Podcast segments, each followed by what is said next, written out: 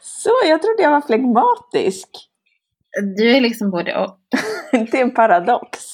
Ja, det är därför du är så spännande.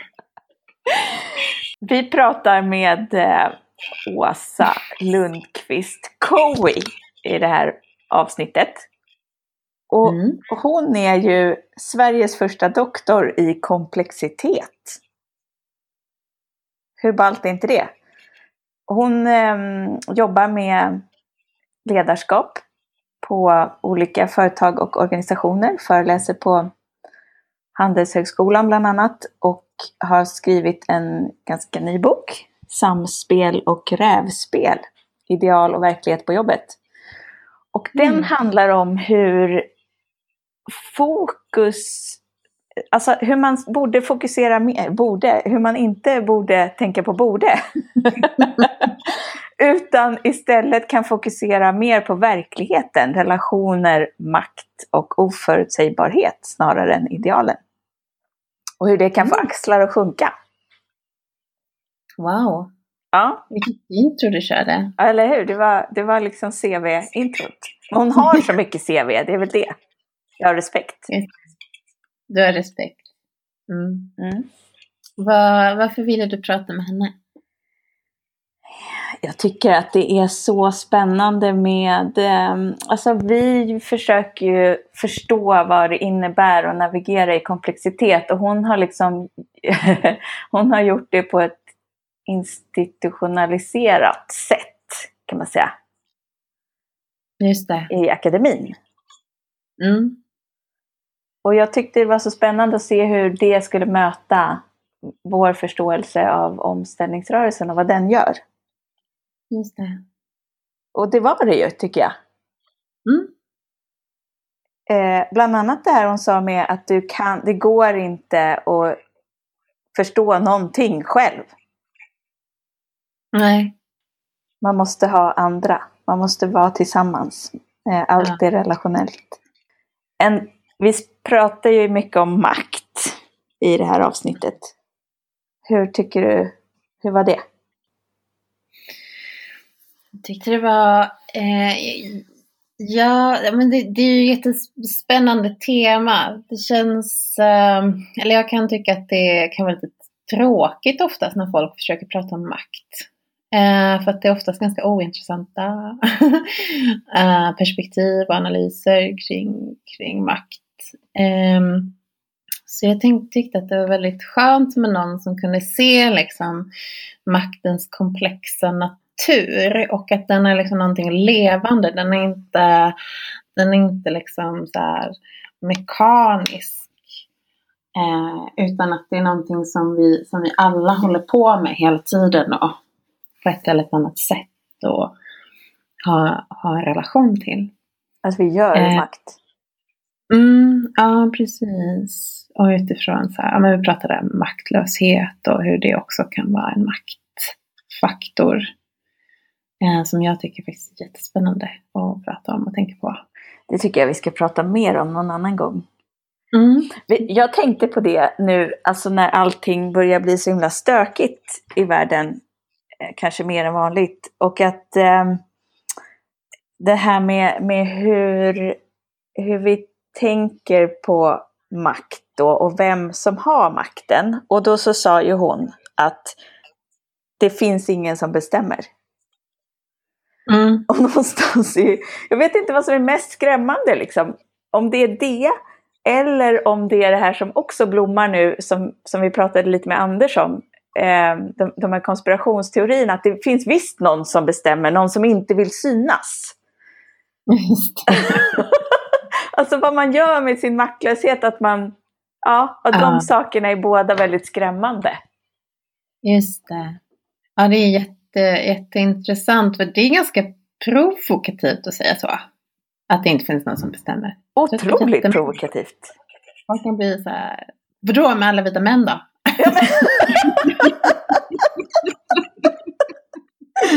Just det.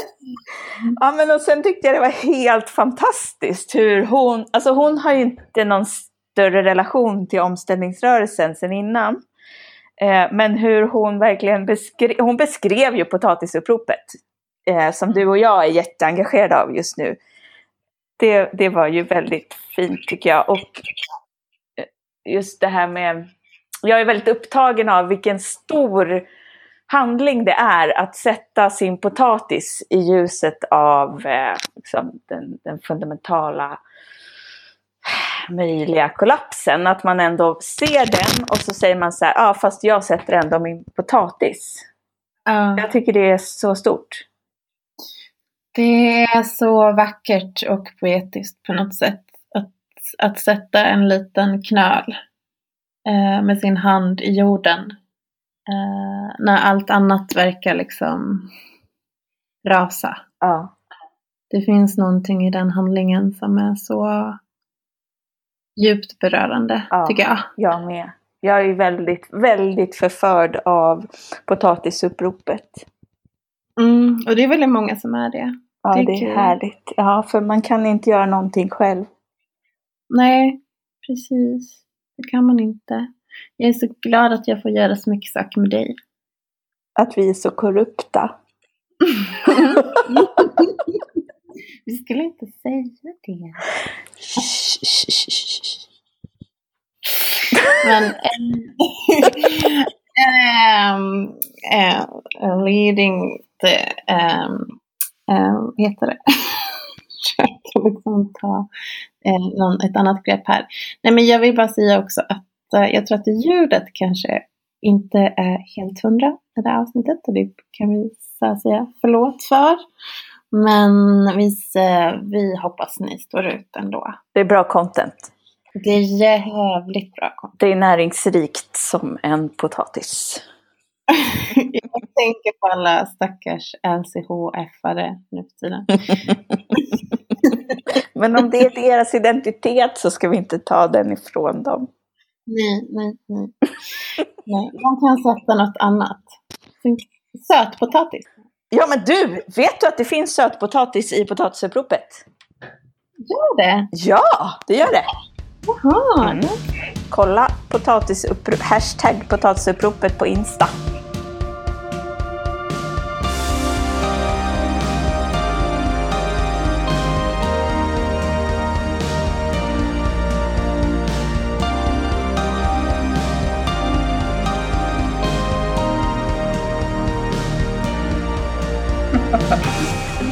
Åsa, vi är jätteglada över att få prata med dig i våran podd Begäret.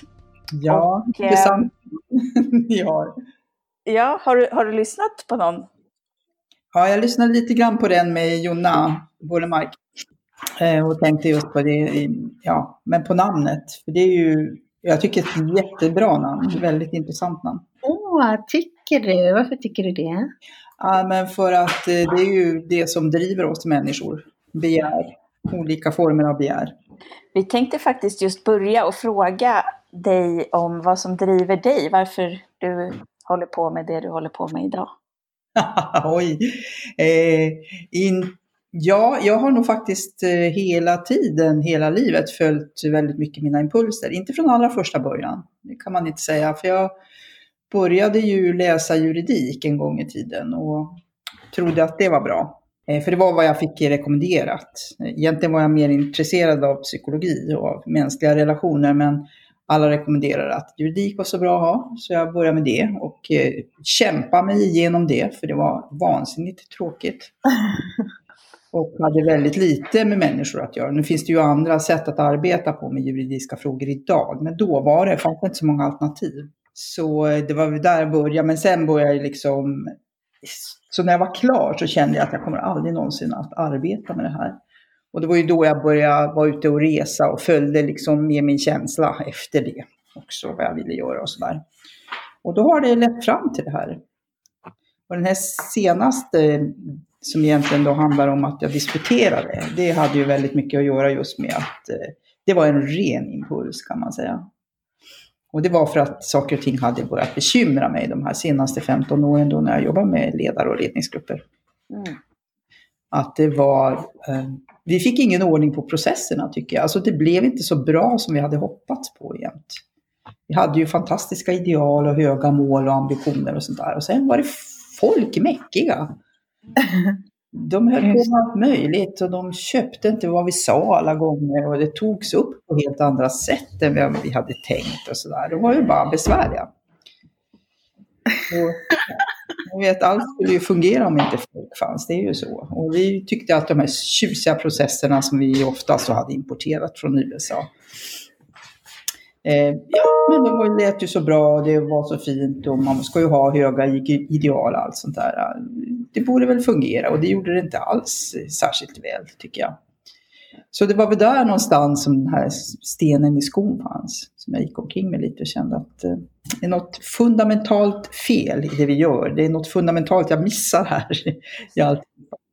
Så därför kom det sig att jag då av en slump hamnade på den här konferensen då i Köpenhamn för ja, tio år sedan nu. Och eh, där fanns då en eh, som hade smugit sig in, för jag tror inte att arrangörerna var riktigt medvetna om vilken subversiv person de hade fått in där. För det var de flesta, alltså 99 procent av talarna på den konferensen som pratade om ledarskap, då var ju professorer från olika universitet och det var även han, men han hade ju ett helt annat synsätt som då kom från just komplexitetens synsätt. Och vem var det då? Det var Christopher Mouse heter han. Han är professor vid Hertfordshire University i, i England, norr om London. Ja, just det. Så då hängde du med honom sen och ja, doktorerade? Precis. Ja, men precis. Mm. Så var det, därför att han, han berörde ju, han slog ju an, liksom, det fanns en resonans i hans sätt att resonera som jag kände att här finns en vit fläck på min karta. Kan man säga att du håller på med subversiv verksamhet du också nu? Ja, det kan man nog säga.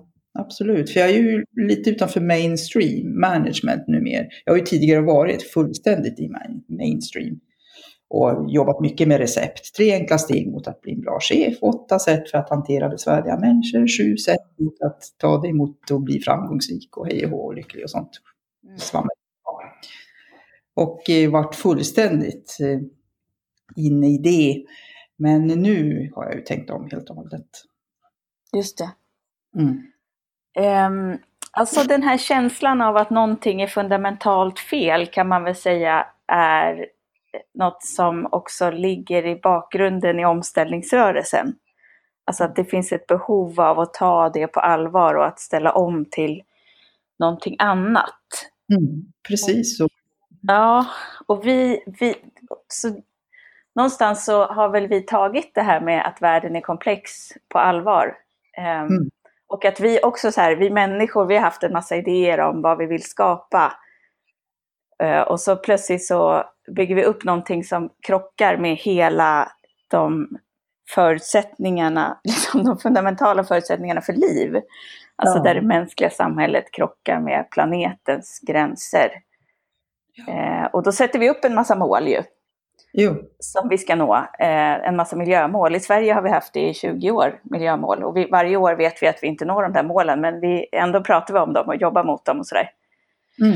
Så det här var väl kanske en av anledningarna till att vi vill prata med dig. Alltså det här med att om man försöker leda i en komplex värld, mm. men man erkänner inte komplexiteten eller kanske inte ens ser den, utan man jobbar med liksom, command and control. Mm. Hur blir det då? Eh, ja, alltså vi har väldigt svårt att komma ur det. Vi har svårt att komma ur våra vanor. Eh, därför att eh, det finns så mycket vi förlorar. Vi kan förlora, riskera att förlora. Vi är ju extremt ångestfyllda. Alltså vad jag fokuserade mig på då när jag disputerade, det var ju mycket just eh, de här fundamentala sakerna som existentiell ångest och makt. Mm. Och existentiell ångest handlar ju om, om den här ovisshetens grundkänsla, alltså att vi faktiskt inte vet vad som ska hända efter middagen. Eh, att vi alltid går omkring med den, vilket är en naturlig sak för människor och absolut nödvändig, för det är också den som får oss upp ur sängen på morgnarna. Annars skulle vi antagligen ja, bara ligga i soffan och äta choklad hela dagarna. Så att det finns, det finns den här oron som vi också ändå går omkring med, som är den här existentiella oron, är nödvändig. Och den gör vi naturligtvis mycket för att skydda. Så ska vi ställa om saker och ting, ska vi göra andra nya vanor så vill vi vara ganska säkra på att vi överlever. Att vi inte blir av med vår bostad eller våra, eh, våra försörjningsmöjligheter och annat. Så att vi har mycket att bevaka. Och därför är det här med, med att ställa om vanor eh, behöver ske lite gradvis. Och ofta så påverkas, alltså det sker ju via påverkan, så vi måste ju jobba väldigt mycket med påverkan. Och det är därför jag gillar det. Nu har jag läst väldigt lite om omställningsrörelsen Pella, men jag vet ju lite grann sådär och jag tycker det är oerhört sympatiskt att ni jobbar så mycket med, med det positiva sättet att tänka på, att se möjligheter, att inte bli så mycket pekpinnar, därför att då skapar det ännu mer ångest bara. Man ökar ju på ångesten när man jobbar mycket med pekpinnar och då kan man få direkt motsatt effekt faktiskt. Mm. Så att det är mycket bättre att step by step försöka träna oss i konsekvenstänkande. I att om du gör det här, vad blir det här för effekt och så vidare. Då måste man stanna mycket i samtalen och i detaljer. Men hela komplexiteten kan man väl säga handlar ju om detaljer. Det handlar ju inte alls om de här stora, stora penseldragen därför att eh, vi kan ju göra det vi gör och vi gör ju det vi gör. Vi kan liksom inte göra det vi inte gör. Och vi kan liksom inte ta hand, det finns ingen människa som kan se helheten. Det, och det här svamlar vi ju jättemycket om, inte minst i organisationer. Att, vi, jag förstår inte vad det är för fel på mina medarbetare, de måste lyfta blicken och se helheten. Men det finns ingen som kan se någon helhet. Jag menar, vi ser det vi ser. Mm. Och det är oftast det som är närmast oss, det som är detaljerna. Det är, vi ser våra närmsta medarbetare, våra närmsta chefer och vår närmsta familj och katten och alltihopa. Alltså vi påverkar ju och påverkas hela tiden av det vi finns i. Så vi kan liksom bara se det vi ser. Man kan inte, det är därför vi måste jobba så mycket med medvetenhet och mycket med, med frågor. Att ställa frågor som inte, som inte är ifrågasättande utan faktiskt bara är frågor som uppmuntrar reflektion. Så detaljerna, man brukar säga att the devil is in the details, but so is God. God is also in the details. Det spelar liksom ingen roll hur man tänker, allt är detaljer.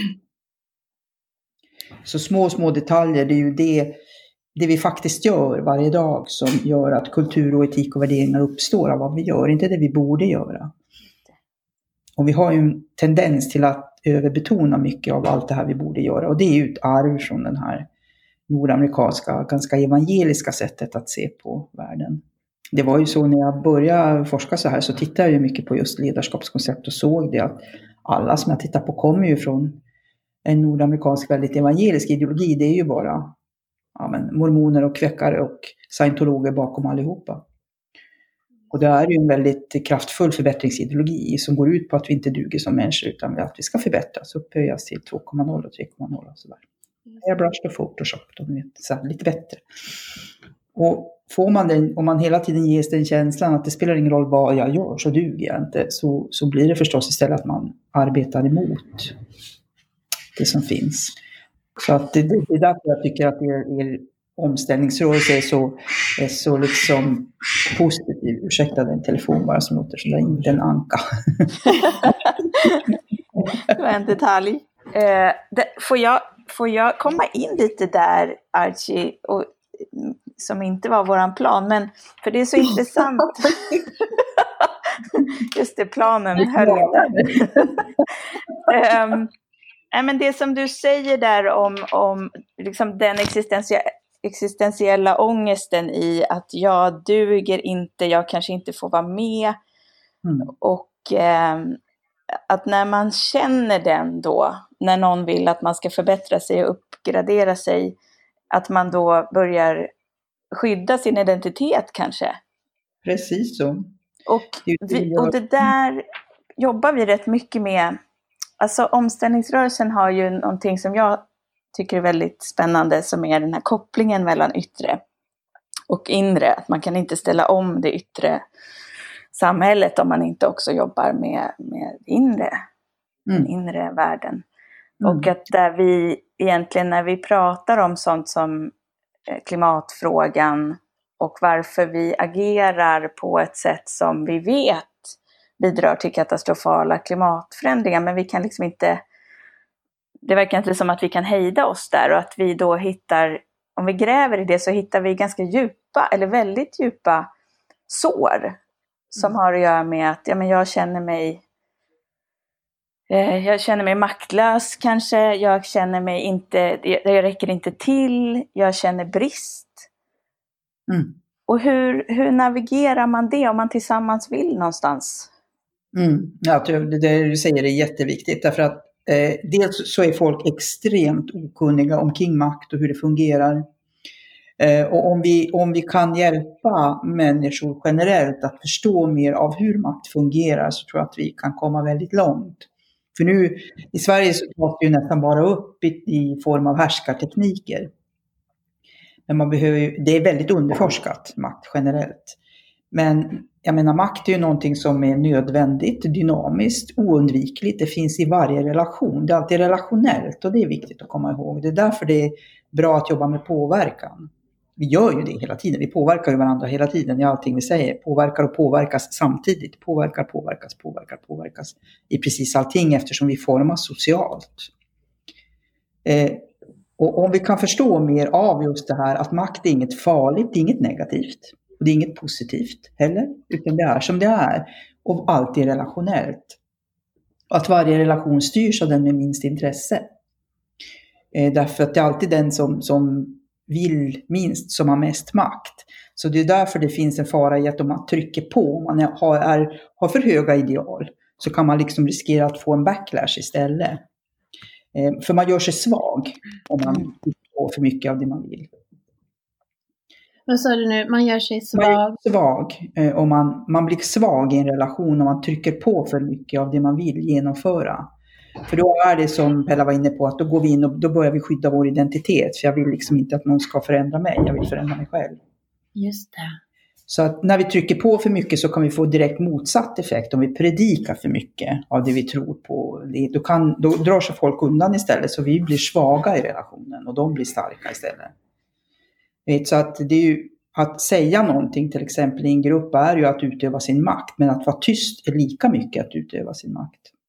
För är man tyst så blir ju folk osäkra runt omkring också. Man sitter och fantiserar, vad tänker hen på och så vidare. Så att makt är alltid relationellt och ju mer vi kan förstå hur det utövas och, och påverkar våra sätt att arbeta och vara tillsammans på, desto bättre är det. Men det är, det är mycket vi behöver göra på maktområdet kan jag känna, för där, där finns det mycket att tänka på.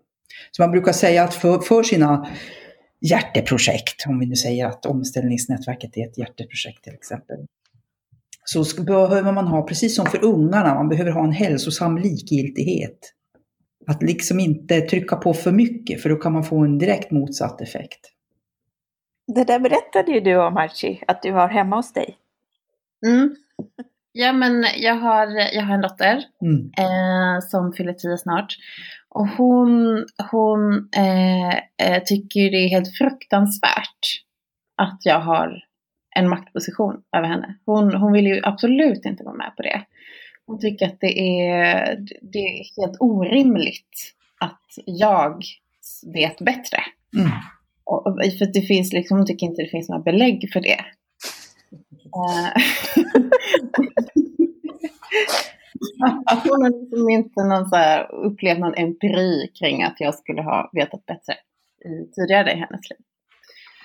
Eh, vilket jag tycker är väldigt fascinerande att uppleva. Att få ett sånt motstånd i, i för att jag vet ju att jag har en, en, en Alltså vi vet ju båda två att jag har ju makt över henne. Ja, hon ska ju gå och lägga sig när jag säger det. Mm. Precis. Och hon behöver ju det. Ja, absolut. Hon behöver ju gå och lägga sig när det är dags. Ja. Hon vill. Och samtidigt vill hon vara autonom. Alltså hon vill ju vara, kunna själv. Hon, hon, det, det är det där behovet också, att man, man har ett behov av att, att få veta gränser och ramar och, och att det finns. Och samtidigt vill man kunna själv navigera i det. Precis. Ja. Ja men verkligen, och jag tror att just i hennes ålder är det ju också, det är ju 10-11 års åldern som man verkligen börjar forma sin identitet extra mycket. Och där finns ju det här man är liten och stor samtidigt. Mm. Det är liksom, man vill vara barn och samtidigt vill man vara vuxen samtidigt. Så det är verkligen mitt i den här brännpunkten av att eh, liksom forma sin identitet. Och testa gränser och se alltså hur långt kan jag gå innan hon blir förbannad och hur långt kan jag liksom gå åt andra hållet och så vidare. Om jag, om jag beter mig likgiltigt, vad händer då? Om jag, om jag hänger på, vad händer då? Och så vidare. Så där pågår ju hela tiden ett testande eftersom hon formas av dig och du formas av henne. Så att det är Mm. relationen som liksom är i centrum. Och då agerar ju du som en chef. Alltså det är det man gör med ungar i den åldern. Att, Nej, du ska gå och lägga den här tiden, punkt slut. Sen som några år så kan du inte längre göra det. Då blir man mer coach. Det svårare och svårare att agera det här chefande. Utan då, blir man, då måste man liksom, då byter man ju strategi. Just det, det här är din sista chans att vara chef nu Archie. Det är bäst du lever ut det. ja, det Jag gör är jag. förbi. Ja, då blir det svårare. Mm. Men att det, är- just att det är, det är självklart att det är du som har makt. Samtidigt så har ju hon lika mycket makt nästan över, eller inte lika, det är ju relationen, ni har ju makt över Mm. varandra. Så att det här går ju upp och ner, det är därför makt är dynamiskt. Ibland är hon svag och du stark och ibland är hon stark och du svag. Mm. Så att det går upp och ner hela tiden beroende på situation och sammanhang. Ja, men allt, vi gör beror ju på relation, situation och sammanhang. Det är för det inte egentligen går att forma med recept omkring saker och ting, utan det beror på relation, situation och sammanhang. Allting vi gör, hur vi kommer att bete oss. Ja, men verkligen. Verkligen. Eh, men jag tänker ju, eh, ehm, alltså jag, jag blev lite så här, för det handlar ju om så här, ehm,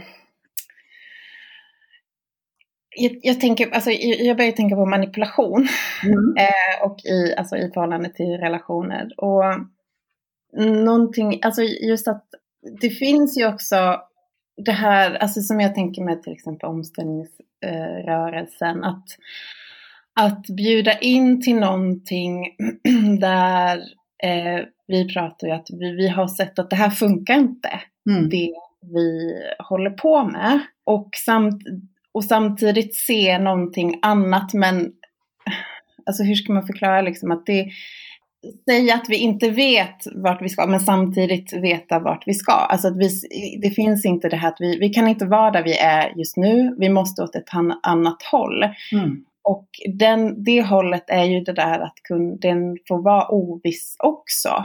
Mm. Eh, och det är ju väldigt svårt att, att förklara det, Mm. berätta det. Mm. Och, och jag tänker, för du pratade om det här med att, att vi, vi eh, agerar utifrån en, en existentiell oro. Mm. Eh, men det finns ju också andra, annat att agera ur. Som till exempel att, att bli förförd av någonting, att bli förförd m- mot en riktning, känna ett begär Mm. någonstans åt ett håll Mm. som, som transcenderar känslan av oro. Mm. Att det är ju skitläskigt att gå ett, åt ett håll som är oviss, men samtidigt veta att, att det kan finnas någonting där som är värt det så himla mycket för att någonting i mig drar. Eh, och det är inte utifrån en, en känsla bara utav en känsla av rädsla. Mm. Utan det finns också en känsla av att det finns så mycket mer i att vara människa och uppleva att existera.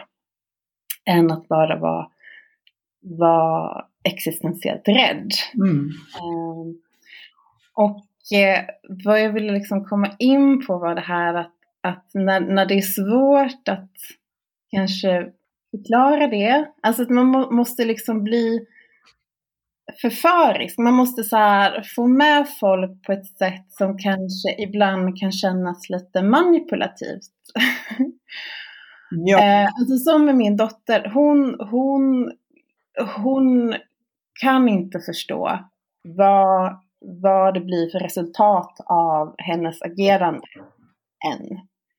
Eh, men jag kan förstå det. Eh, och jag kan, och- där är ju, ligger ju min, min så här, mina val i min maktposition handlar om att vad är det jag lockar med henne med?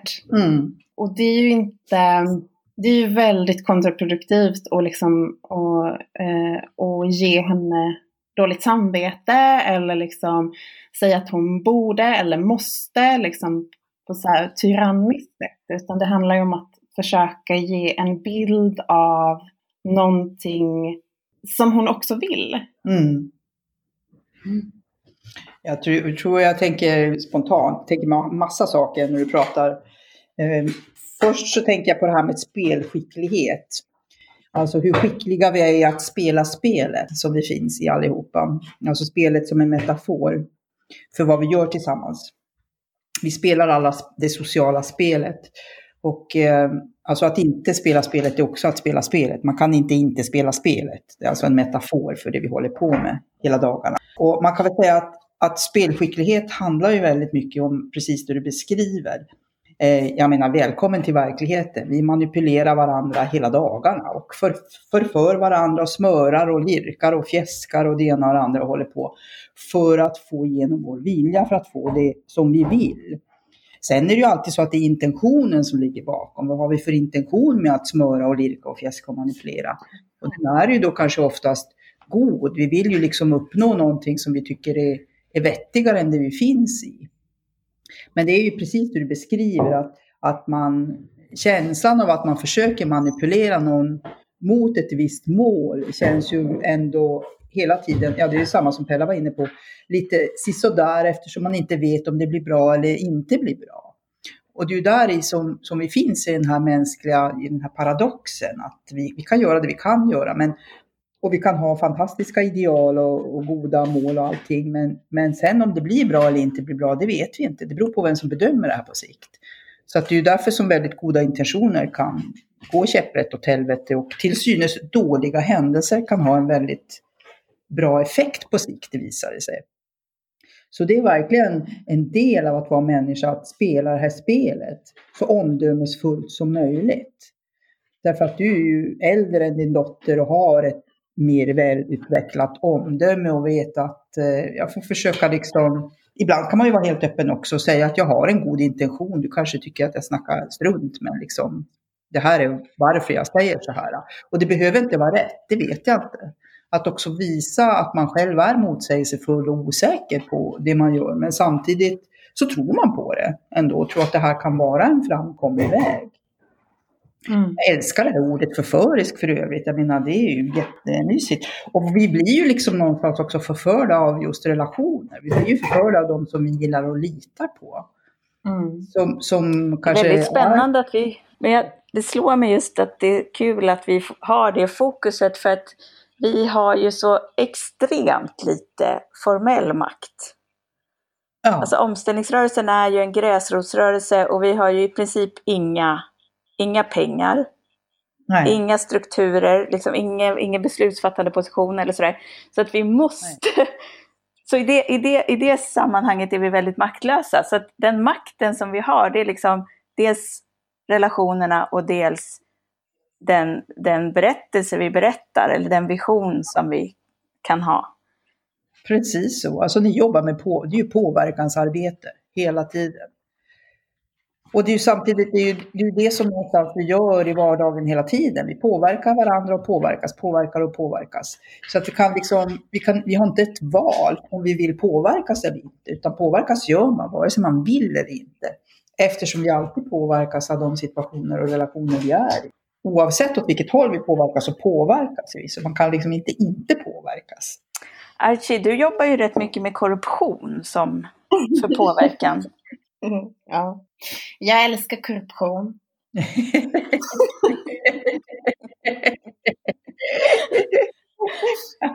det är min sätt att utöva makt. Ja, exakt, exakt. Vi har alla våra sätt. kan du, kan du, eller vill du, outa, vill du outa din strategi? Eller? Äh, men kanske lite försiktigt.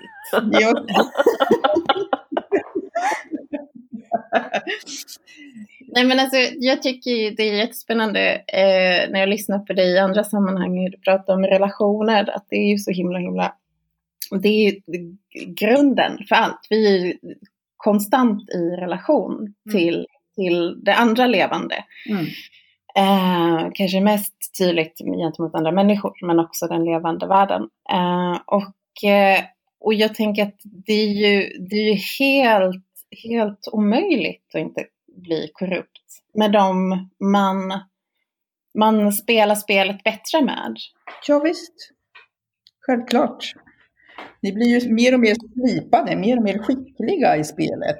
Alltså, mm. och riktigt, riktigt bra chefer ska jag säga är väldigt duktiga spelare. De har en hög spelskicklighet. Därför att man, och grejen är ju inte att, att det är någonting dåligt, utan man behöver bli en bra spelare i spelet för att för att, utan det är fortfarande intentionerna som ligger bakom varför man vill spela väl. För man lär sig. Omdömet utvecklas ju med åren. Och man ser att det är ingen vits för mig att gå på här och här måste jag liksom smöra lite grann för den här personen. Vad jag då, och inte se det som något negativt. Alltså jag ser mm. inte att manipulera och smöra och fjäska och lirka och hålla på. Jag ser inte det som något negativt. Nej, exakt. Jag ser det som jätteviktigt att, att utveckla ordentligt av. Därför att intentionen ligger bakom det hela. Utan det här är liksom olika medel bara vi använder i spelet för att komma framåt tillsammans på ett hjälpsamt sätt. Men varför är det så kontroversiellt då, Åsa? Alltså makt överhuvudtaget är ett otroligt kontroversiellt ämne. Varför då? Jag, men jag tror att det, det ligger så mycket i retoriken, både med de här begreppen att manipulera, smöra, lirka och fjäska och, och makt tolkas generellt ganska negativt. Att oh, så hemskt och så farligt och alla har makt och sånt där. Och det är därför man behöver förstå också alla ställen, organisationer, arbetsplatser och var vi än finns egentligen, som tar bort det här pyramididén, att det finns någon sorts hierarkisk makt generellt, utan och börja se det mer som maktrelationella nätverk, som förstår att alla människor sitter i, i, i nätverk, det är det vi gör. Alltså de som, jag sitter ju i ett nätverk tillsammans med de som påverkar mig mest och som jag påverkas mest av hela tiden. Mm oavsett vilka det är, det är ju naturligtvis min familj, men det är också liksom min hårfrissa och en viktig kund och allihopa. Som, det är de som jag hänger mest med, som påverkar mig mest. Och så är det för alla. Så jag tror att det mest utmanande att, att förstå vad det gäller makt är att det finns ingen som bestämmer. Utan vi bestämmer alla i det här spelet. Det är därför det spelas så oförutsägbart. Det finns liksom inget blueprint, ingen som sitter där på toppen av någon pyramid och rycker i trådarna. Utan de som eh, vi till synes då ser har mer makt, de sitter också i sitt maktrelationella nätverk. Med de som de umgås mest med och hänger mest med, som påverkar dem mest. Så det är därför som, som lobbying fungerar, att man liksom funderar lite grann på vad är det för projekt man vill ha igenom, vilka påverkar det här projektet allra mest? Gör ett maktrelationellt nätverk om man vill så. Och fundera på eh, vilka har jag direkt access till här? Ja, kanske jag inte har, ja, men eh, vad går hens partner på för gym egentligen? Så man kör med indirekt påverkan. För det är så vi hela tiden spelar spelet, att vi påverkas. Vi kan liksom inte inte påverkas. Så att mer se det som att vi alltid... Så det är ingen som bestämmer i spelet, utan det här spelas liksom som chef till exempel, eller som, som, om man har makt som politiker, så är man en kraftfull spelare i spelet. Men man är bara en spelare och kan lätt liksom under mineras av folk med andra maktbaser. För alla har sin maktbas och använder den. Så det är mer att, att liksom ändra lite grann synen på hur det här spelet fungerar och inte tro att det liksom är någon top-down styrning. Utan förstå att alla påverkas och det handlar ju väldigt mycket om då hur vi, hur vi känner i en relation och sådär. man, man, vi, alltså vi är ju relationsexperter, det är ni. För att, jag menar från dag ett, när vi, föd, vi föds ju in i familjer, så vi vet ju vad ett höjt ögonbryn betyder till exempel hos en förälder väldigt snabbt. Och sen blir vi bara vassare och vassare på det här med relationer genom livet. Och problemet är ibland att folk inte tar sin erfarenhet på allvar omkring det, utan att man tror mer på recept och hur det borde vara. Det borde vara på det här mm. sättet och vi borde gå den korrekta vägen och vi borde liksom prata med den här personen. Och så missar man, när man väntar nu. Om jag tar min erfarenhet på allvar så är det inte alls hen som bestämmer. Utan hen liksom lyssnar ju väldigt mycket på den här personen som har väldigt mycket makt över den av någon dunkel anledning. Man vet inte alltid hur de här nätverken går, eh, vem som påverkas av vem, men det kan man ju klura ut ganska väl, vilka lyssnar hem eh, och gå in och påverka på det sättet. Så det är så man lär sig lite grann att bli mer omdömesfullt spelskicklig i det här spelet som vi alla måste spela. Jag skulle vilja prata lite om maktlöshet här, men jag, jag är väldigt sugen på att höra lite om, apropå makt, om du vill säga någonting om identitetspolitik, Archie, men det, jag vet inte. Ja, men jag var lite, för också tänka på det här med maktlösheten, alltså att det finns ju väldigt många som upplever att de inte har makt, utan den makten de egentligen, som de besitter handlar egentligen om, om typ det enda de har kanske som kan vara typ deras kroppar. Mm. Eh, och den kroppens historia, och den kroppen, alltså hur de identifierar den, den kroppen. Och det här är ofta liksom i icke-vita rum eller liksom i, i eh, ja men på en, olika sätt så här normbrytande eh, sammanhang så kan man ju liksom att det blir som att kroppen är det som man, och identiteten runt kroppen är det som man kan ha makt över, att försöka ha makt över den berättelsen. Mm. Eh, och att det, det blir på något sätt, ja men dels att, att, att det, det, det också grundar sig ofta liksom i, i, en, i en oro av att inte få vara med, inte få räknas och kanske inte liksom bara en oro utan faktiskt en, en, en reell historia bakåt i mm. tiden. Att man har blivit förtryckt som urfolk eller som, som utifrån sin sexuella läggning eller vad det nu kan vara. Mm. Och, och då börjar man liksom identifiera sig väldigt mycket med sin maktlöshet. Mm.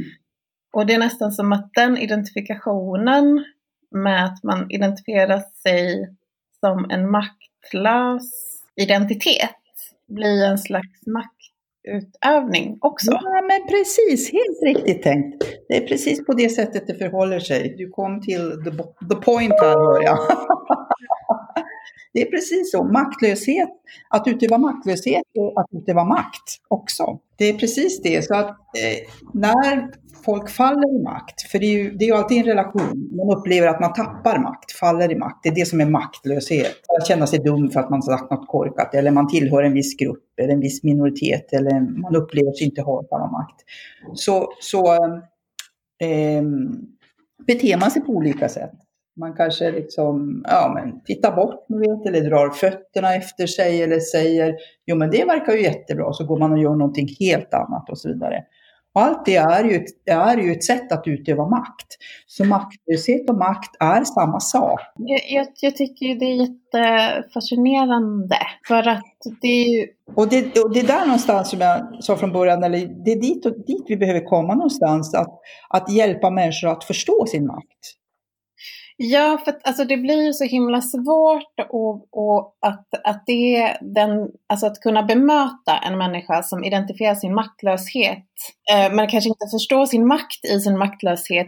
Mm. För att, att, att liksom ifrågasätta det, ja. att ifrågasätta den, den diskursen som förs, mm.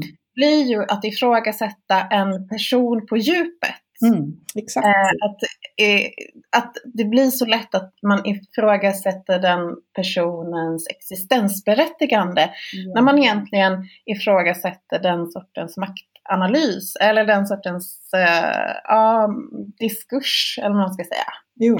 Det blir ju väldigt stagnerat helt plötsligt. Precis, och där har du och det är ju det som är intressant när man synar makt eh, mm. på olika sätt så kan man få, alltså det är alltid riskfyllt. Så är det. För man vet inte vad man kan få för reaktioner. Man kan komma väldigt djupt och komma in på folks eh, på identitet eh, förstås. Och vi gör ju väldigt mycket för att skydda den. Men jag menar samtidigt så, så, behöver man verkligen försöka beskriva den här paradoxen att så fort vi börjar inkludera, vi pratar mycket om inkludering, men om vi pratar om inkludering så innefattar det också exkludering per automatik. Man kan inte ha någon inkludering utan exkludering. Det, det är en paradox. Mm. Så därför så är maktlöshet och makt samma sak. Och, och det är, är vi då så fast förankrade i, i, i vår identitet oavsett om det vi då tillhör en specifik grupp. Oavsett om det är hbtq eller eh, indigenous eller något annat, eh, någon annan grupp så kommer vi förstås att göra väldigt mycket för att skydda vår identitet. Och sättet att komma förbi de låsningarna är ju just att, att coacha försiktigt framåt. Det är en person klarar av. Men det finns alltid risker med det. Det är allt, allt, alltid riskfyllt när vi går in på identitet eftersom den är så otroligt eh, fast förankrad. Genom, jag menar, vi, vi har alla vår ideologi.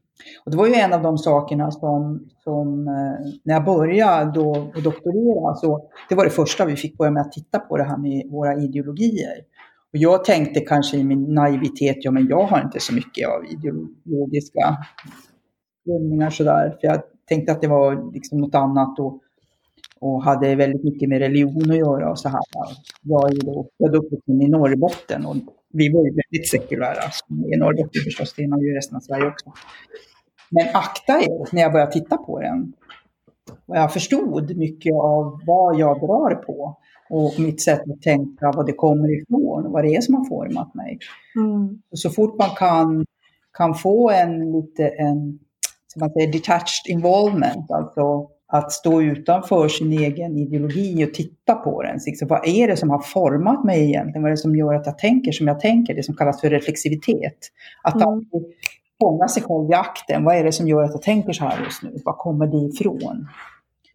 Då kan man också börja omforma sin identitet lite mer. Och, och om, alltså för att vi, vi omformar oss själva hela tiden. Det är det som är reformering.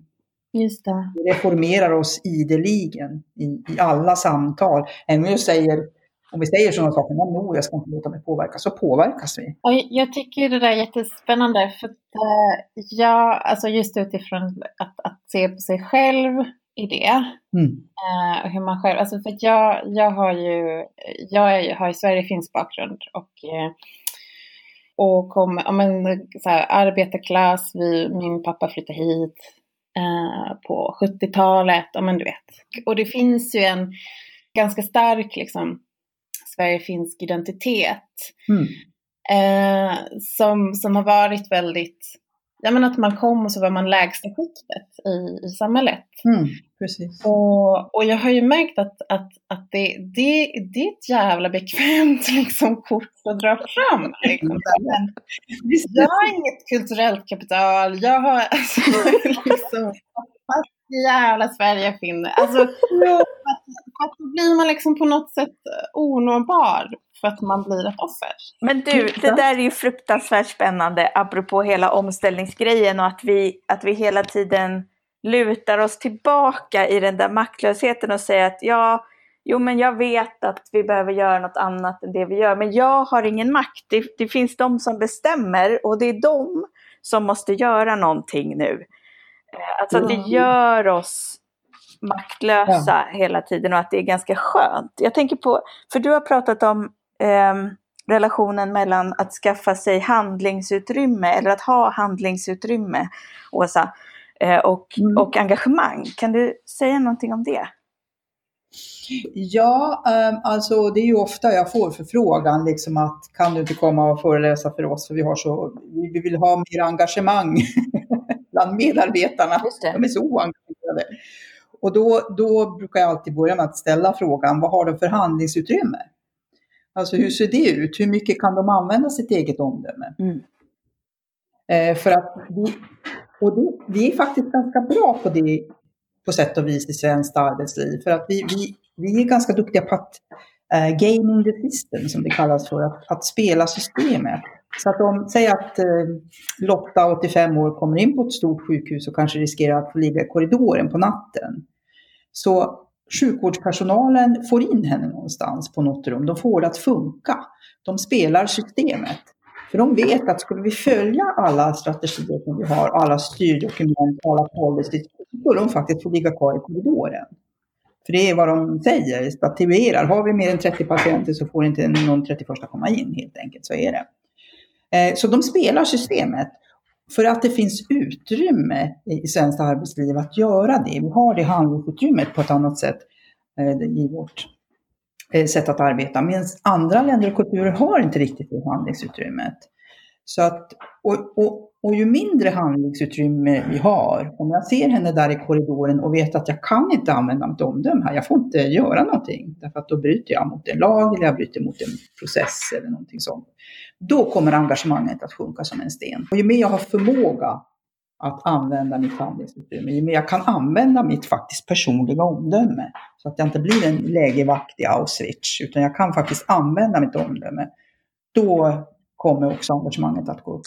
Och då, om man tänker att vi alla är lägervakter i Auschwitz i ett tillväxtberoende system som liksom systematiskt kör över allt annat levande. Hur mm. skaffar man sig handlingsutrymme för att förändra det systemet? Alltså bortom att ta ansvar för sina personliga val och sådär, för det kan vi ju i högre eller mindre grad allihopa. Men om vi tänker att vi vill faktiskt eh, mm. förändra maktrelationen mellan det mänskliga samhället och resten av livet. Hur gör man det? Mm. Jag tror, först och främst är det val, alltså vi har val men de är begränsade. Eh, vi, vi underlättar för varandra i det här spelet men vi begränsar också. Underlättar och begränsar, underlättar och begränsar eh, hela tiden i spelet eftersom vi formas socialt. Så vi kan inte göra allt för radikala val för då riskerar vi att åka ut ur våra grupper. Och det är ju liksom ett, ett öde värre än döden. För det är, ju det, det är ju det absolut sista vi vill riskera, att åka ut ur våra sociala sammanhang. Så därför är vi försiktiga. Och därför är liksom vägen framåt att alltid experimentera i marginalerna. Att töja på den här normen. Att eh, försiktigt ifrågasätta den, att, att göra en annan sak, att pröva sig fram. För det är så som normerna hela tiden förändras. Utifrån de här små prövningarna och experimenten i marginalerna. Att säga någonting annat än vad som kanske förväntas. Att, att göra en annan liten mikrohandling. För att det är de här mikro, mikrohandlingarna, mikroaktiviteter som vi kallar det för, som, som förändrar hela tiden. För det är det som gör att nya normer kan uppstå. Så att, men, vi, men, samtidigt så är det en paradox. Vi måste också vara försiktiga för vi vill inte alltid riskera att åka ut. Alltså det är fantastiskt faktiskt, för du beskriver ju nu omställningsrörelsens strategi. Eh, ja, men det här med, med vi, alltså Archie och jag just är ju nu väldigt eh, upptagna med att få människor att sätta potatis, så mycket potatis som möjligt och prata med sina sina kommuner och andra aktörer så att de också sätter potatis eller överhuvudtaget tar någon slags ansvar för livsmedelssäkerheten. Och eh, mm. eh, det kan ju tyckas, alltså om man står och tittar på där eh, forskarna säger så här, ja, eh, om vi fortsätter att släppa ut växthusgaser som vi gör nu, då ser vi slutet på den mänskliga civilisationen inom liksom, överskådlig tid. Eh, och, mm. och mikrohandlingen som vi uppmanar till det är att sätta potatis. Och då kan man ju tycka att det är lite, eh, ja, eh, lite, lite, alltså mm. glappet där är ju väldigt, väldigt stort. Mm. Men där har ju omställningsrörelsen faktiskt gjort den analys, alltså den analysen som du beskriver om mikrohandlingar som förändringsstrategi. Att istället för att titta på hela det där jättesystemet och säga oj men jag kan inte göra någonting, det här är helt överväldigande, det är för stort. Jo. Så säger vi så här, mm. ja mm. ah, men okej, hur ser det ut där du bor? Eh, mm. Gräv där du står, vad, vad kan du göra? Vilket litet steg kan du ta som kan leda vidare? Mm. Helt riktigt tänkt, absolut så. Det är så. Det är det man behöver göra, man behöver sätta potatis. Alltså det är verkligen precis det sättet som, som förändrar världen det är så. Därför att det är de här små som... Det är därför, det är därför, det inte, det är därför jag är mycket mer pragmatisk snarare än, än evangelisk på det sättet. Därför att det är inte... Vi behöver ha mycket mer fokus på vad vi gör snarare än vad vi borde göra. Därför att det är ur vad vi gör, de här små sätta potatis aktiviteterna. Det är ju det som, som eh, etik och värderingar och värden uppstår. Av vad vi gör, inte av vad vi borde göra. För det andra, vad vi borde göra är mycket retorik. Och det, det är inte fel att på något sätt ha eh, visioner och strategier och sådär, för det är för att vi behöver någon form av drag, dragidé omkring vad vi är på väg. Så, men så fort man bara överdriver det så får man motsatt effekt istället. Så att så fort man överdriver strategier så, så kan man få motsatt effekt. Då blir vi ännu mer oroliga och ängsliga för att inte leva upp till det här. Så blir det eh, ingenting av det hela. Istället för att uppmärksamma vad vi faktiskt gör och kan göra. Och det är absolut helt rätt att sätta potatis. Det är tänkt. Gud vad skönt. Behöver. Ja. Skönt. Exakt sånt. Det är precis sådana små, små mikrohandlingar, mikroaktiviteter som vi behöver. Det är därför jag tror att det är så svårt för oss förstå, att förstå att varje grej vi gör, varje ord vi säger har en effekt. Allt vi gör och inte gör har en Mm. effekt. Det vi inte gör har lika stor effekt som det gör. Att, att inte göra något är också aktivitet, som filosofen Hanna Arendt sa.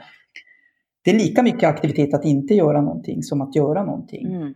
Och vi är för galet upptagna med att vi måste ut och göra någonting, men att inte göra någonting är också att göra någonting. Så det är därför vi behöver uppmärksamma vad vi faktiskt gör. Just det. Och, och, då, och jag har en fråga till då, eh, som handlar om det här med, okej, så man, man befinner sig som en aktör då, någon som gör eller kan göra, eller alltid gör saker i en komplex värld. Eh, Mm. Och då har du pratat om vikten av att liksom lyssna in den världen, försöka känna vad som pågår.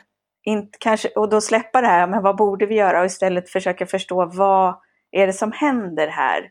Vad är, vad är det jag Mm. ser? Vad är det jag erfar? Vad är det jag uppfattar?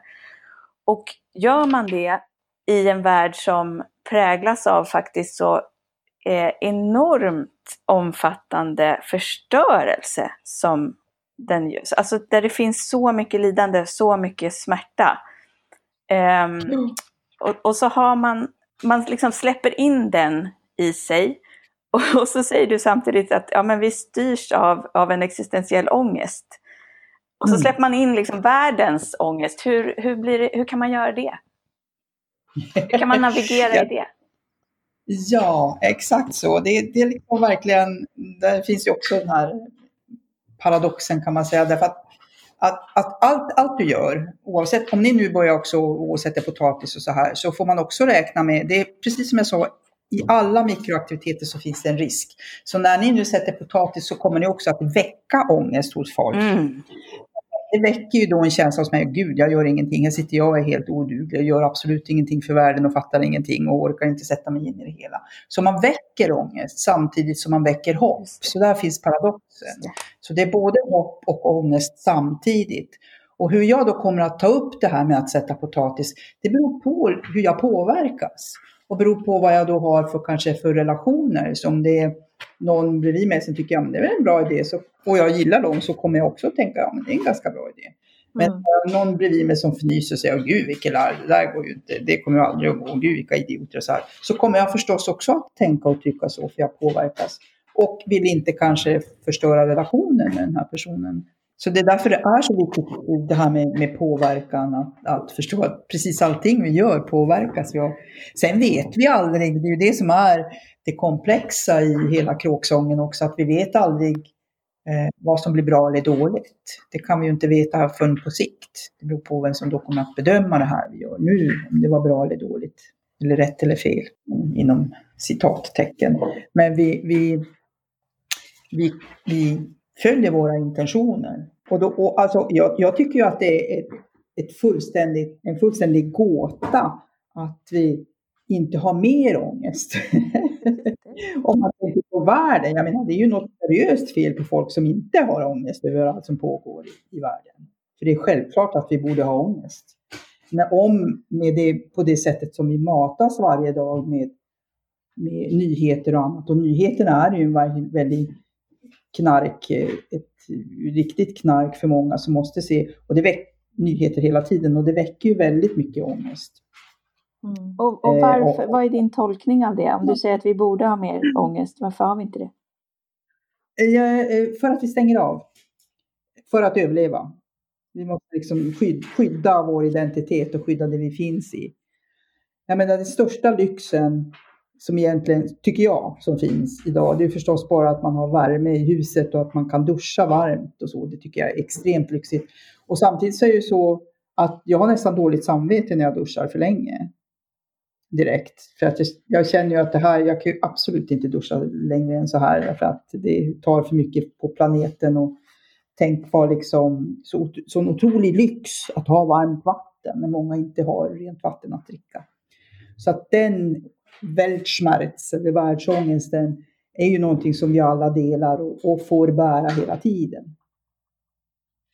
Men samtidigt tänker jag liksom att det är så himla viktigt att också kunna så här vara tacksam. Alltså att, eh, att det inte, alltså det som jag tänker med omställningsrörelsen är ju den enorma förmågan att kunna bära, bära paradoxerna, bära att det är superångestladdat och jättejobbigt och smärtsamt.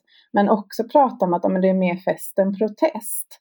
Att just att det, det handlar om att fira att vi faktiskt existerar och finns och att det finns så mycket vackert i... Ja, men jag, jag tycker det är jättebra, just den grejen tycker jag är otroligt eh, sympatisk, fest mer än protest. Att, att ändå inrikta på det som fungerar och det som är bra och att vi faktiskt har det vi har framför oss. Samtidigt så, jag tänkte på en sak du sa här, jag vill bara poängtera det lite grann, att du sa att det är viktigt att vara tacksam. Eh, viktigt, om det är viktigt att vara tacksam, det vet vi inte, för det är ett ideal. Alltså det, vi borde vara tacksamma. Jag tycker det är otroligt mycket svammel omkring det här med tacksamhet. Det är liksom mycket att det här, äh, ja, alltså vi är, vi är det vi är. Oavsett om vi är tacksamma eller inte tacksamma. Vi kan liksom inte, att försöka eh, skruva till oss och på något sätt att vi borde känna något annat än vad vi känner tror jag inte är så särskilt fruktsamt. Utan det är mer att acceptera att vi känner det vi känner. Att vi känner skuld, att vi känner skam och att vi känner ångest eh, är mycket liksom mer produktivt att acceptera att vi har alla de känslorna. Sen hur vi agerar är liksom en annan sak. Och att förstå precis det du var inne på det här då, att vi då jobba med påverkan. Att styra det här mot att mer fest än protest gör att, att, att vi också kan se andra saker. Men om det gör oss mer tacksamma vet jag inte, för det är ett sånt konstigt begrepp det här med tacksamhet. Jag menar, jag går omkring och är tacksam hela tiden. Jag är så glad att jag lever och är frisk, framförallt idag. När alla, liksom, när många människor inte är det. Så det finns liksom en grundläggande, tror jag, glädje och lycka i de flesta människor att vi faktiskt lever och har det så bra som vi faktiskt har det. Vi är oerhört privilegierade. Så vi behöver liksom inte på något sätt försöka fejka att gå men vi, vi, vi måste visa tacksamhet, utan vi visar det vi visar och vi känner det vi känner. Att vi på något sätt eh, accepterar oss mer så, som vi är. För vi ser ju alltid, vi ser ju Alltså det svagheterna, alltså det här med, med, med, med avundsjuka och svartsjuka och skam och skuld och allt sånt de pratar vi för lite om. Vi pratar alltid om att man ska visa sina styrkor ta fram sina styrkor och göra sådana saker. Så, men svagheterna är precis lika viktiga. För att det är svagheterna som gör oss till människor, som gör oss mänskliga. Annars skulle vi vara maskiner. Så att det är svagheterna som också gör att vi kan vara så kreativa.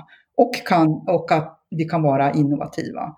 Så jag menar, det är ju svagheten som omställningsrörelsen också kommer ur våra svagheter.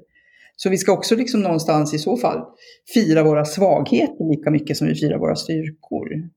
Mm. Är med? Jag tänker? Fira våra misslyckanden också. Ja, alltså att det är paradoxer, att vi är människor. Och, och jag avskyr så den här frasen man säger, men jag är ju bara människa. Det är inte så bara.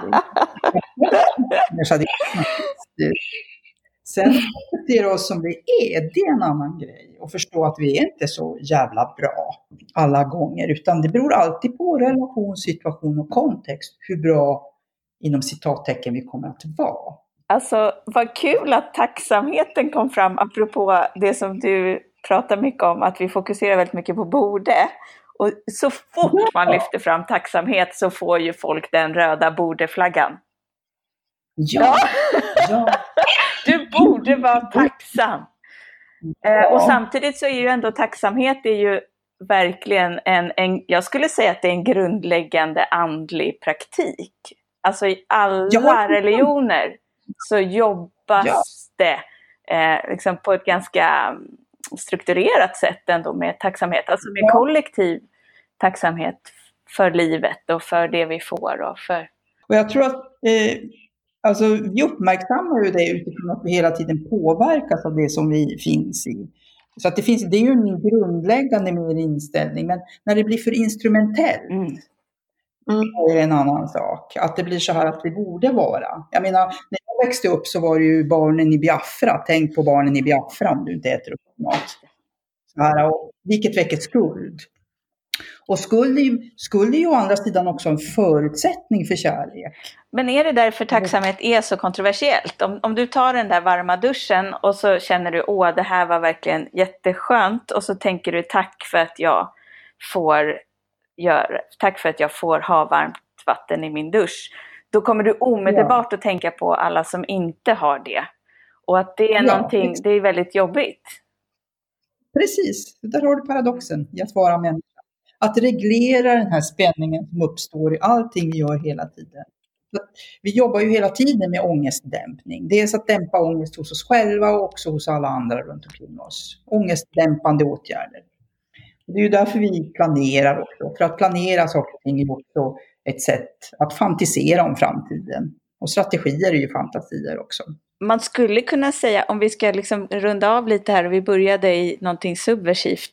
ehm, jag tror faktiskt, ja det är någon som har beskrivit tacksamhet som en, en subversiv känsla. Och då inte Mm. den påförda tacksamheten, alltså du borde känna tacksamhet, utan, utan om du verkligen får kontakt med din egen känsla av tacksamhet Ja. så, är, så kortsluter du hela eh, konsumtionssamhället. Det, det tror jag ligger mycket i det.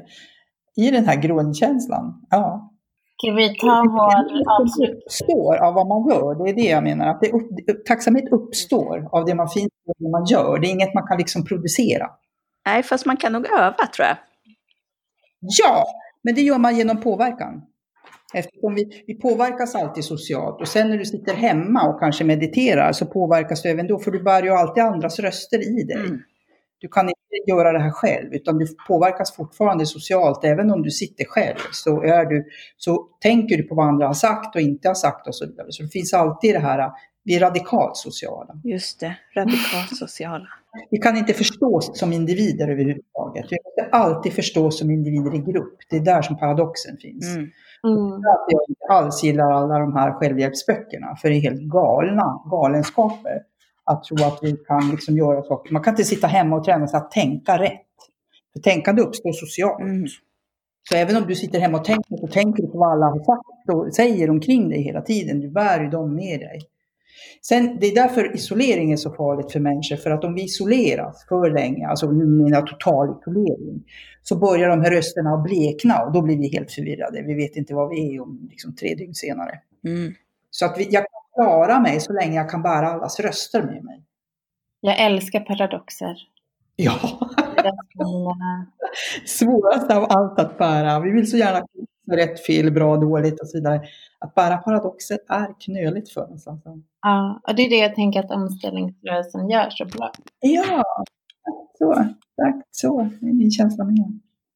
Men eh, vi har alltid en avslutande fråga till våra gäster. Eh, och eh, det är, den går så här. Vad blir du förförd av? Oj. Ja, maken sitter här bredvid och viftar. Självklart älskling, är det du också? Eh, ja, också. också. Nej men det, det, är, det är nog, alltså det är sån här, Um, det är när den här impulsen, impulsen vaknar. Alltså när någon säger eller gör någonting, som det gjorde i det här fallet när jag började doktorera. Att, att något som jag går och grunnar på, eh, något som jag liksom vaknar klockan tre och grubblar på, hur ska jag formulera det här, vad handlar det här om? Och så är det någon som säger någonting som plötsligt den här impulsen vaknar. Då kan jag gå liksom genom eld och vatten. Därför att det, kä- det kände jag så tydligt där då, att det här måste jag göra. Det finns liksom inget, inget snack om saken. Jag ska bara göra det här. Sätta mig in i det här området. Det blir jag extremt förförd av. När, så att det, det kan bli när jag står och målar också. Jag målar lite grann, hobbymålar, tycker det är jättekul. Mm. Och där kan jag också plötsligt liksom bara få någon impuls på vad jag ska göra. Och då kan jag liksom inte sluta. då kan jag hålla på till tre på natten. Därför att impulsen blir så stark. Och det är någonting, och det är liksom rätt grej i rätt tid egentligen. Mm. Som impulsen väcks. Det är ju magi det. Skapande, ja. Någon form av skapande Mm. impuls. Stort tack. Åsa, vilket fint samtal. Det var jättespännande. Jag har klottrat många sidor här. Ja, vad roligt. Och tack till er som gör ett fantastiskt arbete med potatissättandet. ja. Ja, det var så kul att du beskrev det så fint. Ja, men titta vidare på omställningsrörelsen. Du, du märker, du hör ju att, hur förförda vi är av den rörelsen. Vi vill att du ska Ja, också vara det. Självklart, det är jag redan. Jag bara klicka på här nu Mm. till vårt outro. Ja. Som ni kanske hör så är vi mer än lovligt förförda av hela omställningsrörelsen. Mm, det är vi. Vad intressant att det var så att vi fick en sån respons där. Eller du, att du fick en sån respons när du pratade om tacksamhet. Vad var det? Ja, ja, jättespännande. Jag, jag, jag tycker, jag blir ju alltid förvånad över att människor blir triggade av ordet tacksamhet. Det är som att det, det är som ett krav. Eh, och jag tycker att det är inte ett krav. Jag tycker att det är en, en levande praktik där man, som, som hjälper en att komma närmare i kontakt med skönheten eh, i livet. Och att, eh, ja, jag vet inte, jag tyckte, vad, vad, vad tyckte du? Vad, vad kände, det, det blev ju väldigt intressant att, att Åsa tog, eh, snapp, snappade på det. Mm. Ja, och jag känner så mycket igen det där som du säger, eller den reaktionen. Alltså jag kan minnas flera tillfällen när jag har mött precis den reaktionen. Att tacksamhet, det får man liksom inte påföra folk. Och så fort man pratar om det, att man är tacksam, så triggar det någonting. Vad är det tror du? Ja men är det inte det där liksom att, att man på något sätt eh, berövas av makt? För att då är man mottagare av någonting. Ah. Kan det vara det? Att, att eh, när jag är tacksam då, då är jag liksom, då, det tolkas som en slags passiv mottagande roll. Att någon är, gör någonting som jag ska vara tacksam över. Eh, Ta emot vilket, liksom. Ja, vilket berövar min autonomitet eller min agens på något sätt. Varför tycker du att det är så viktigt med tacksamhet? Då? Varför pratade du om det där?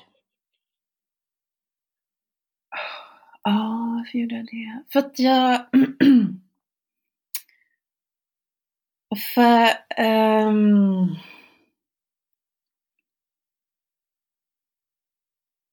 Alltså det blir ju väldigt existentiellt. Ja, men är det inte därför vi håller på? Annars skulle jag plantera potatis, hallå. Nej men hur, hur gör man annars då? Om, om man inte... Ehm, alltså när man möter det, det, det, det vackra i världen. Alltså nu är det maj. Allt är bara så vackert. Och så hur kan jag möta den skönheten som helt plötsligt är överallt runt omkring mig? Eller liksom att, att jag har ett helt underbart barn som är så kul att umgås med. Alltså vad är den mest... Eh, hur kan jag möta det stora som är så mycket större än vad jag kan förstå? Men ta emot det. Hur kan du ta emot det? Ja, exakt. Hur kan jag ta emot det annat än med tacksamhet? Eh, och, och, och jag tycker tacksamhet är ju tätt sammanbundet med, med extas. Det är ju extatiskt att, att, att maskrosorna är så vackra. Och eh, mitt barn är så fint att få vara med.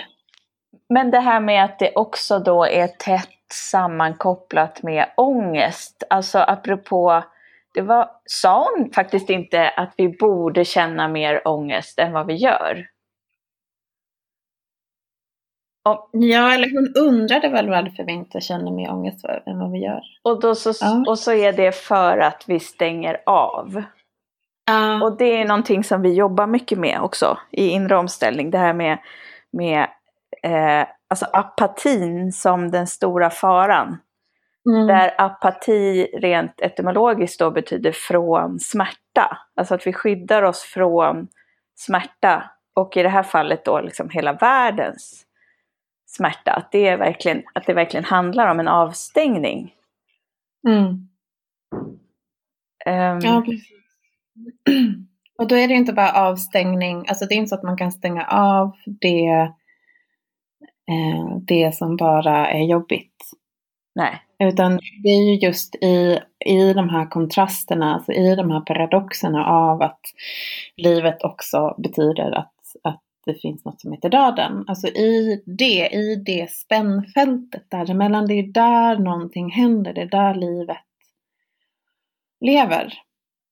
Eh, och stänger man av en del så kan man ju inte nå till den andra heller.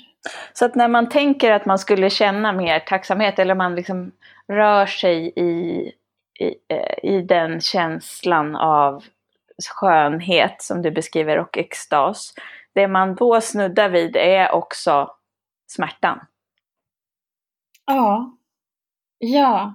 Ja men precis. Alltså det är ju, jag tänker så här, ja men typ våren är ju jättesmärtsam också. För att det är så här, nu är det här, nu är det här, nu är det här liksom. Ja. Snart, Snart dör det. Ja, snart dör det. Dör det! Och liksom ens barn bara, men gud hon är, nu är hon helt plötsligt tio, åh shit alltså jag, kommer, jag måste ju njuta nu liksom innan hon är äldre. Eh, alltså förstår du? Att man liksom hela tiden är ju det som är vid den också på väg bort. Alltså, just det, så att egentligen är tacksamheten är vägen mot att inte stänga av. Det är, det är den öppnande vägen. Ja. Det är den vägen att förstå vad det är att vara levande i komplexitet. Ja, precis. Det, det gör att man också når till... Alltså, Alltså att man, De här- det, det, det, det är helt enkelt det som är bortom den existentiella ångesten. Att vi inte bara styrs av den djupa oron som det innebär Ja. att leva. Mm, exakt. Exakt. För att våren kommer ju tillbaka. Det är inte så att de bara går bort. Den återkommer ju. Och sen, ja, sen finns, finns döden. Men ingen har ju sagt att det är slut för det. Eller vem, vem kan bestämma det? det är ju bara en fortsättning på någonting. Ja, och jag, jag är så tacksam för att jag får göra det här med dig och jag är så tacksam för att det finns människor som jobbar med att ställa om och också vill lyssna när vi pratar om sådana här saker. Tack! Mm, det är väldigt fint. Tack för att ni står ut. Jag är så, så jättetacksam också för dig Pella och eh, allt fint som nu maj ger till oss. Syrenerna håller på att blomma ut här. Man blir förförd. Mm. Mm. Förförd av världen varje dag. Det, är det kanske är det som tacksamhet handlar om. Låta sig förföras.